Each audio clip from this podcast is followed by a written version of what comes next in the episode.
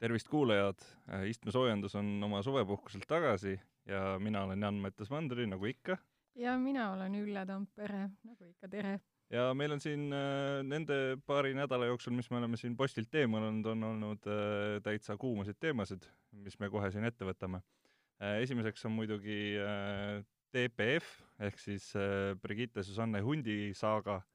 äh,, siis elektriautode toetusmeede, mis on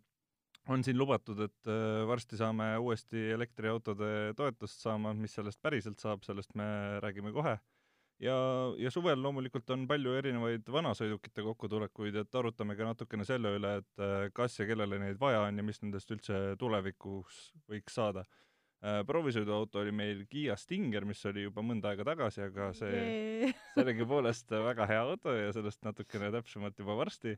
ja, ja eluhäkiks on see, et äh, suvel ikka tuleb neid välja sõita ja räägime sellest, et äh, kuidas mitte metsas ja looduses kas autoga või ise mitte ära eksida. Jan, kuule, sa olid äh, kaks nädalat puhkusel, mina tegelikult tahaks ühe teema siia lisada, et kuidas Nii. sul puhkus läks? minu puhkus oli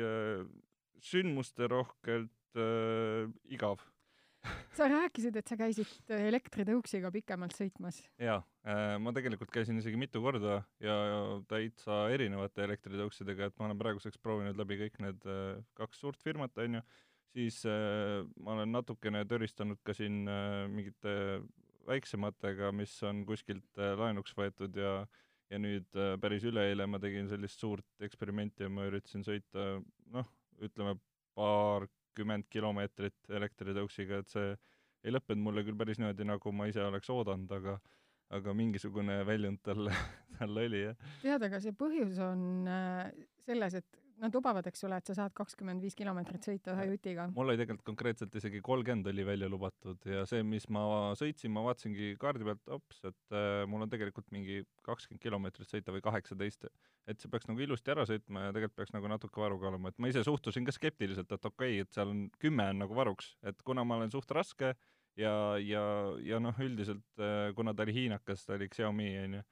et äh, siis ma mõtlesingi, et et ma ei hakka nagu päris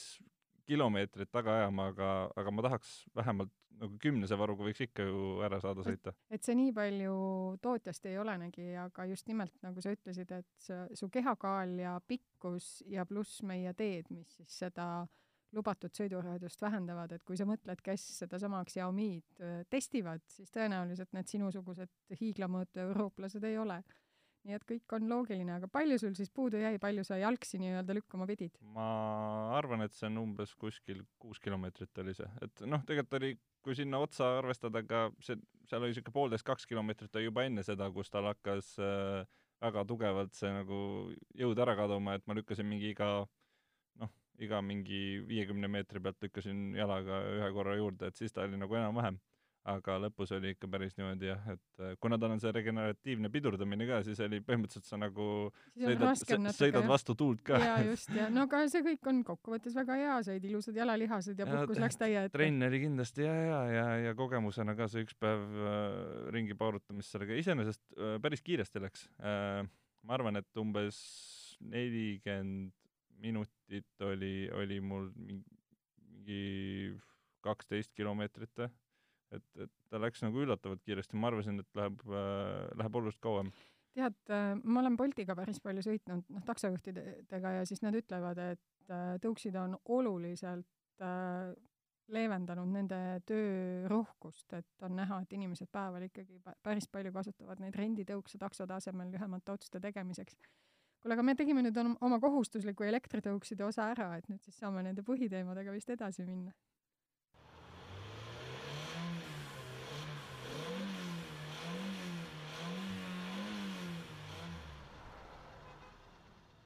nii, siis äh, võtame kohe ette selle Brigitte teema, ilmselt see on nagu kõige tulisem ja kõige värskem siin, mis inimesi on äh, marru ajanud ühelt poolt sellest küljest, et äh, öeldakse, et noh, come on, et see on täiesti okei okay,, et ma enda DPF-i lasen ära eemaldada, onju. teiselt poolt ka sellest, et, et kes see nagu Brigitte Susanne Hunt üldse on ja mida ta tahab. see ei ole nagu, see ei ole kogu selle saaga juures minu arust üldse oluline ja oluline ei ole ka see, et noh, seal neid, ütleme, jutupunkte, mis võiks välja tuua, on tegelikult nii palju, et et kes see viib oma auto Silver autosse ja arvab, et ta ei saa sealt äh, vähemalt tonnast arvet, see on näiteks üks küsimus, on ju, et see ei ole ju mingi nurgapealne töökoda, kus sulle vaikselt tehakse, susitakse asi valmis. et minu arust oli see nagu natukene selles mõttes, äh, et noh. jaa, aga, aga tead, tead, see probleem oli pigem selles, et Brigitte viis oma Mersu Silverisse hooldada ja sai sealt tagasi põleva mootoritulega auto ehk siis Silver tegi nagu üks korralik teenindus ikka tegi korralise hoolduse, mille peale auto aju ja arvuti teatasid koos, et kuulge, et teil on siin midagi täitsa valesti, lamp läks põlema ja siis nad ütlesid, et äh, kulla Brigitte, et sul on DPF-iga mingisugune jama, et me võime selle korda teha. Ja noh, seal oli nagu mitmeid nüansse, miks see asi läks lappama, aga samas me peame olema sellele noorele naisele väga tänulikud, et ta tegi aasta keskkonnateo. Põhimõtteliselt nüüd on väga vähe neid eestlasi, kes ei tea, mis on DPF, et isegi minu mitmed naistuttavad on öelnud, et nad said teada, et autol on tahmafilter, mis sellest äh, kasu on ja et äh, seda tasub äh, aeg-ajalt ikkagi lasta kontrollida, et kui sul on diiselmootoriga auto, siis et sa nii-öelda seda noh, nagu tuksi ei keera, kui sa suurt arvet ei taha saada ja, ja noh, see tarkus ka, et osta diiselauto siis, kui sul on aastane läbisõit kakskümmend tuhat, mõningatel arvamustel isegi kolmkümmend tuhat kilomeetrit, et muidu ei ole vaja, muidu eelista muid kütuseliike ja diisliga tuleb teha pikke sõi-, pikki sõite. no ma lisaks siia omalt poolt ühe kommentaari, mis on nagu äh, mida ma olen ise näinud hästi palju sotsiaalmeedias viimasel ajal, et just see Brigitte lugu oli ka, mida jagati, hästi palju kirjutati sinna juurde umbes, et et miks nemad ostavad diiselauto, on ju et ma kujutan ette, valdav osa nendest inimestest tegelikult ei sõida seda kilometraaži täis, mis oleks, on ju, vajalik. Aga, aga see, miks ostetakse, on mingi selline iganende arusaam, et diisel on odavam kui äh, on bensiin. ja ma ei tea, kas need inimesed ei käi nagu ben-, bensiinijaamas, kas nad ei vaata neid silte või kas nad ei, absoluutselt ei jälgi seda, et missugused hinnad on, sest et tegelikult see, see, seda hinnaerinevust ei ole. ja kui nad siiani pole aru saanud, siis uuel aastal, äh, kui diiselkütus läheb Äh, tuntavalt kallimaks kui bensiin, siis ilmselt nad ikkagi hakkavad vaatama seda hinda ka, et diiselmootoriga auto on mõistlik osta siis, kui sul tõepoolest on sellele tööd anda, muidu on igal juhul tegu suurema kulutusega. jah, või siis äh, kui sul on see, mm, mis see on, eridiisli luba ja sa saad kuskilt nagu reaalselt kaks või kolm korda odavamalt seda kütust, aga noh, see, sellega on muidugi nagu kombaini ja traktoriga ja. Tallinna tänavatel sõita on natukene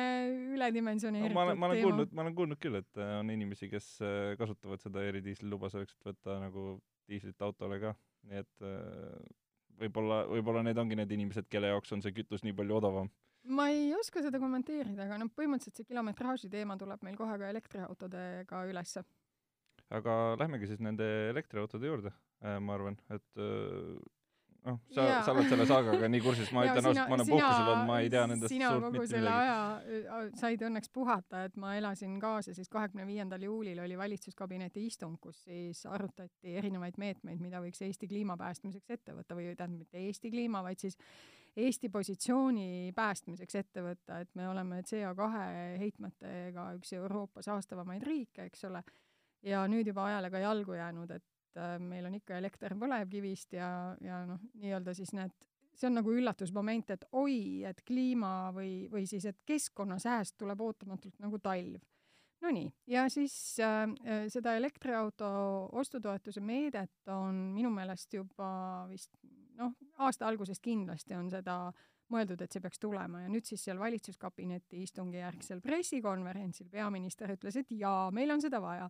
ja keskkonnaminister ütles, et jaa, et äh, annaks õige viis tuhat eurot ühe auto ostmiseks, annaks äh, firmadele ja annaks ikka eraisikutele ka, algselt seal eraisikuid ei olnud. Nonii, nüüd siis meedia läks tagajalgadele, ohoo, eraisikud saavad ka, et enne teadsime, et ainult firmad. ja Keskkonnaministeeriumis siis vastati, et jaa, saate viis tuhat eurot toetust ühe auto ostmiseks, juhul kui sõidate nelja aastaga kaheksakümmend tuhat kilomeetrit tõestatult Eestis ja no seal oli veel tingimusi siis, mida tuleb täita. no kuidas seda tõestada? kaheksakümmend tuhat kilomeetrit, pannakse su autole peale GPS jälgimisseade. no Andmekaitse Inspektsioonil on selle kohta mingi oma arvamus. küsisin mina Keskkonnaministeeriumist, aga kui inimene ei ole nõus selle GPS seadmega, see tegelikult on kogu selle meetme juures pisiasi,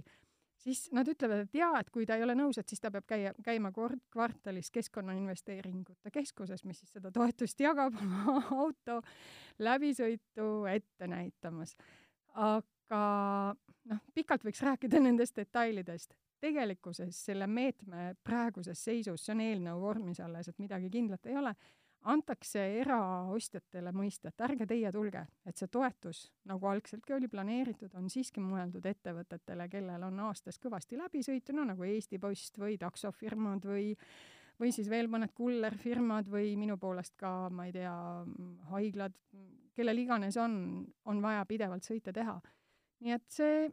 toetusmeede on, on tore küll, aga kas see, noh, ja see küsimus ka, et kas see just peab minema autode ostutoetuseks, et kui Saksamaal on kaks tuhat, Soomes on kaks tuhat see ühe auto toetus,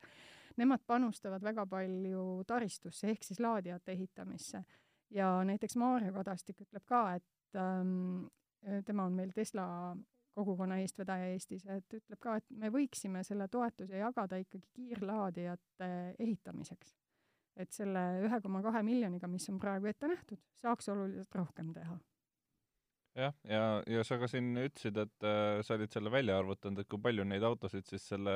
toetuse eest äh, saab osta, mis see number on? tead, ma mõtlesin, ma lähen matemaatikaõpetaja juurde tagasi, ma ausalt ei uskunud, ma lasin kolmele inimesele üle arvutada. ühe koma kahe miljoni eest saab ostutoetusega osta kakssada nelikümmend elektriautot. nagu kakssada nelikümmend, meil on praegu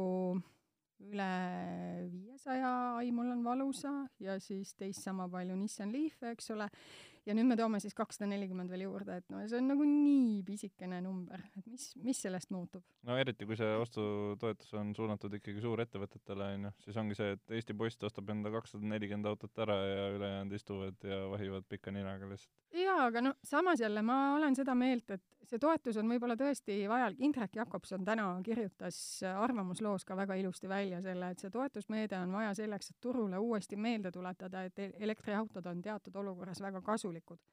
ja kuluefektiivsed. et võib-olla siis see ongi see, et, et see väike toetus paneb äh, nii-öelda massid liikuma aga mina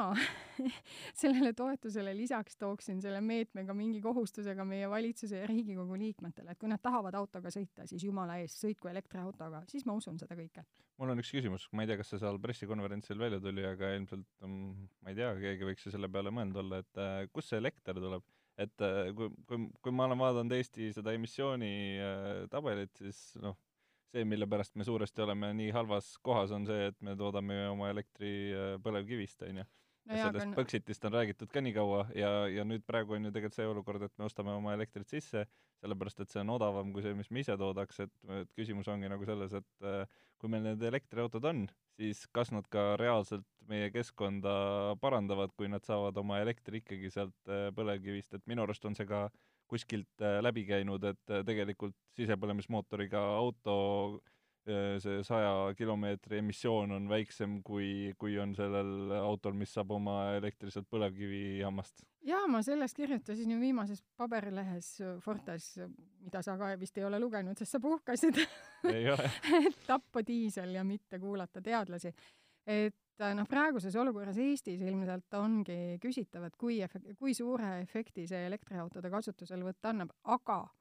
paberil on kõik okei okay,, sest et sa saad osta rohelist energiat, mis on siis tuulest ja veest toodetud energia ja mille osakaal ka Eesti energiatootmises järjest kasvab. nii et noh, meil küll kahjuks ei ole nagu Norras, nendel on üheksakümmend viis prossa ongi taastuvenergia ja, ja sellepärast ka need elektriautod on igati õigustatud, eks ole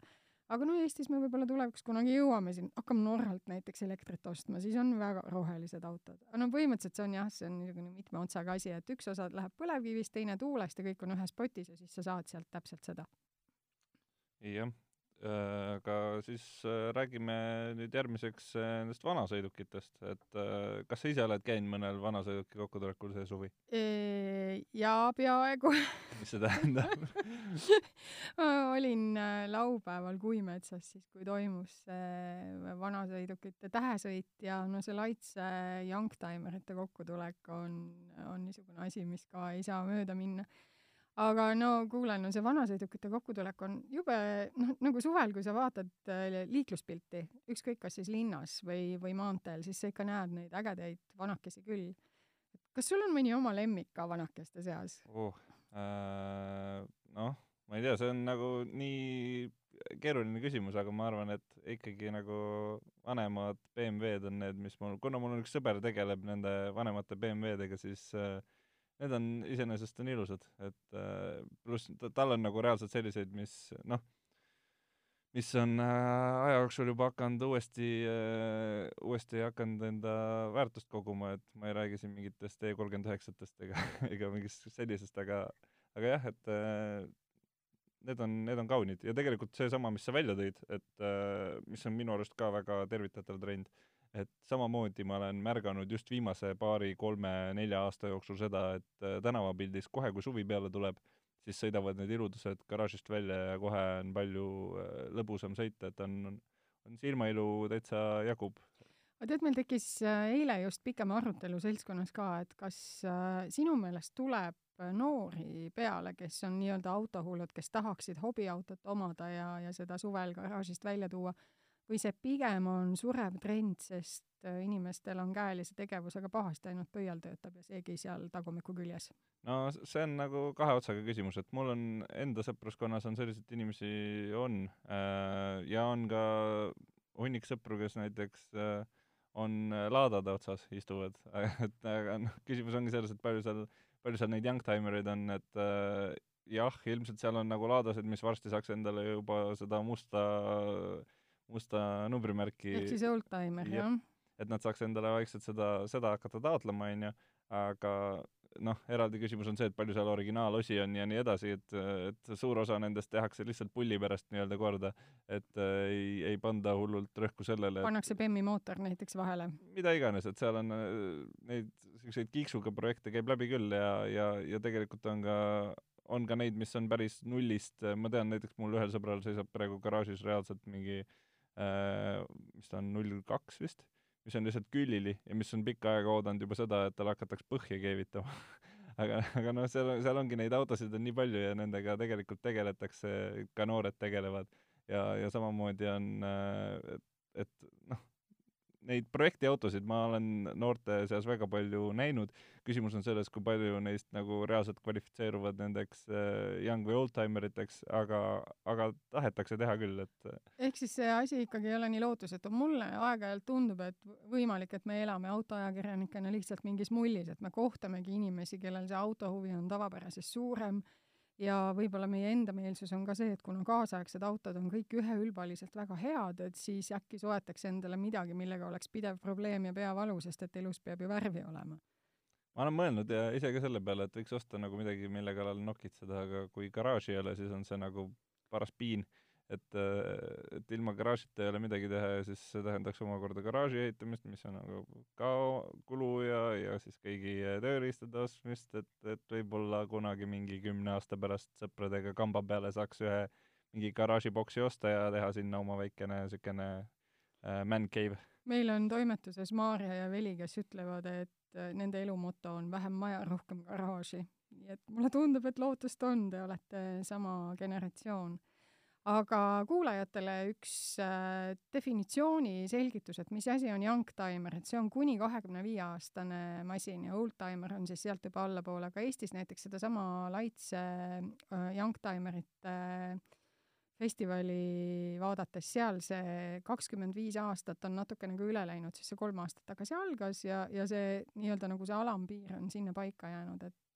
et võib-olla ei peagi seda nagu väga-väga kindlalt seda joont tõmbama. no ma räägin, et, et see nagu üldine piir on ka hägustumas, et, et keegi ei aja otseselt, noh, mina vähemalt ei tea kedagi, kes ajaks otseselt seda taga, et aa, mul on youngtimer praegu nüüd selle piirini ja ja siis ta on oldtimer, et, et see on nagu, see on tunnetuse küsimus, ma ütleks rohkem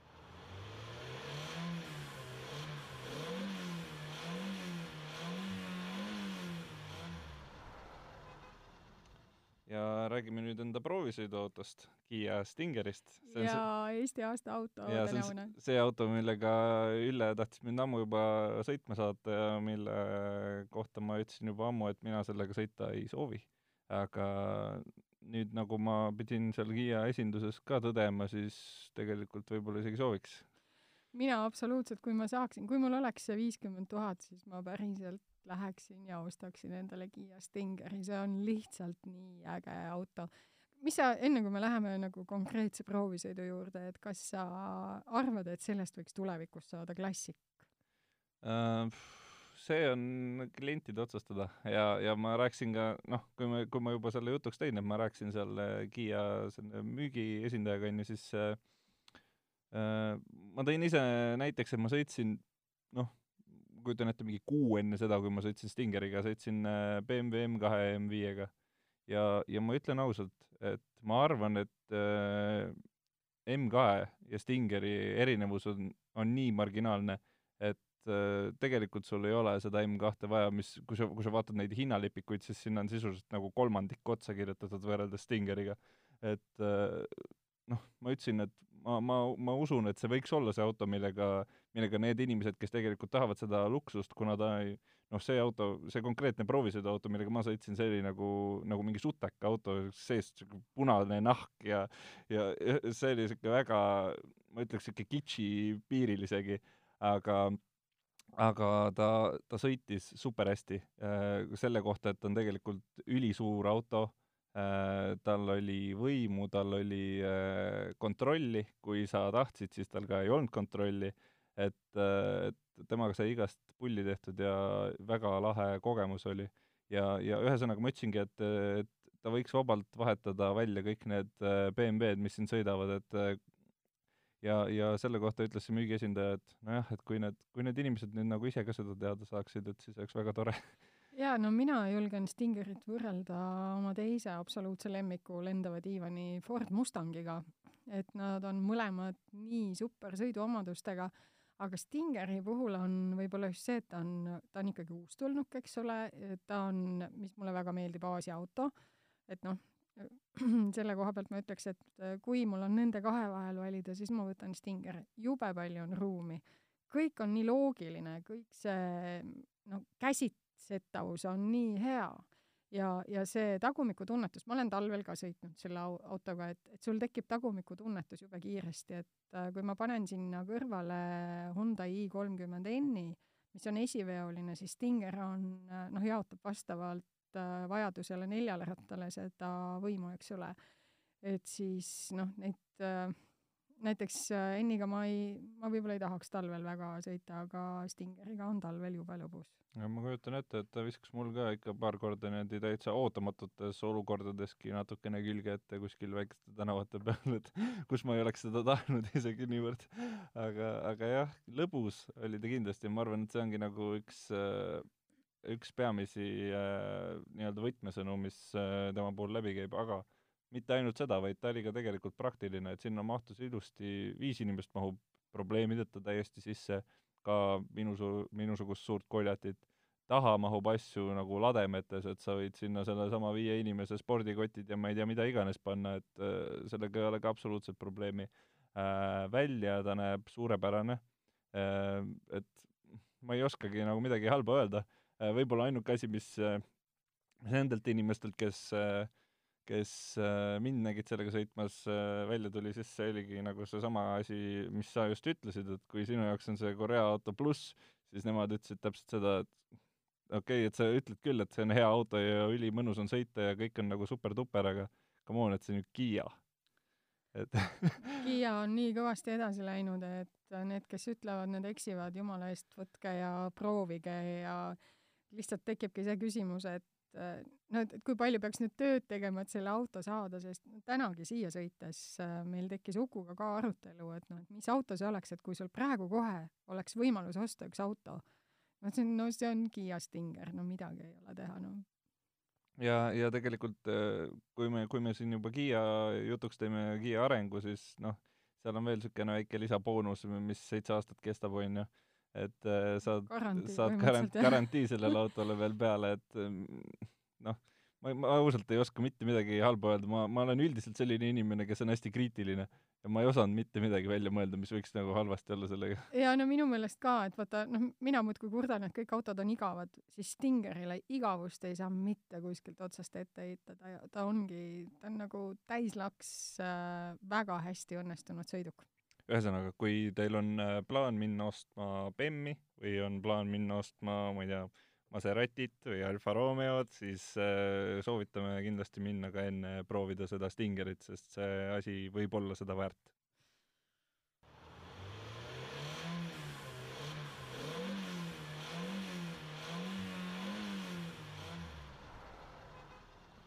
Nüüd räägime loodusest ja autodest, et äh, kui sa tahad äh, autoga loodusesse ronida, siis tasub seda teha niimoodi, et sa ka tead, kuhu sa ronid või vähemalt tead, kus sa tagasi ronid. et äh, muidu võib olla niimoodi, et jäädki selle autoga sinna loodusesse jaa, ma eelmisel nädalal kirjutasin lõpuks äh, pealt ära oma eksimise loo mõni aasta tagasi, kuidas ma läksin omaenda kodumetsa autoga, parkisin auto ja põhimõtteliselt eksisin metsa ja ei teadnudki enam, kus mu auto on. Ja politsei mind äh, minu asukohta niisama lihtsalt ei tuvastanud, sest toona iPhone veel ei võimaldanud seda väga täpset positsioneerimist et nad said masti täpsusega kinni. see pikk lugu on äh, Fortes olemas, minge lugege, aga see eluhäkk, ma nagu siis, kui praegu lähete metsa marjule või seenele, on väga lihtne, et äh, tehke mõni ettevalmistus selleks, et isegi kui tundub, et see autoga metsa minek on jube lihtne ja lähme kohe otse töölt, siis äh, natukene nii-öelda seda turvamist puhuks, kui midagi juhtub, jääte näiteks öö peale, ma ei tea, rehv läheb tühjaks kuskil metsavaheteel, olete hädas et äh, noh, seda võiks teha. ja siinkohal ma ei soovita, meie ise võtame oma kollase koera kaasa, aga kuna ühest loost tuli välja, et koer on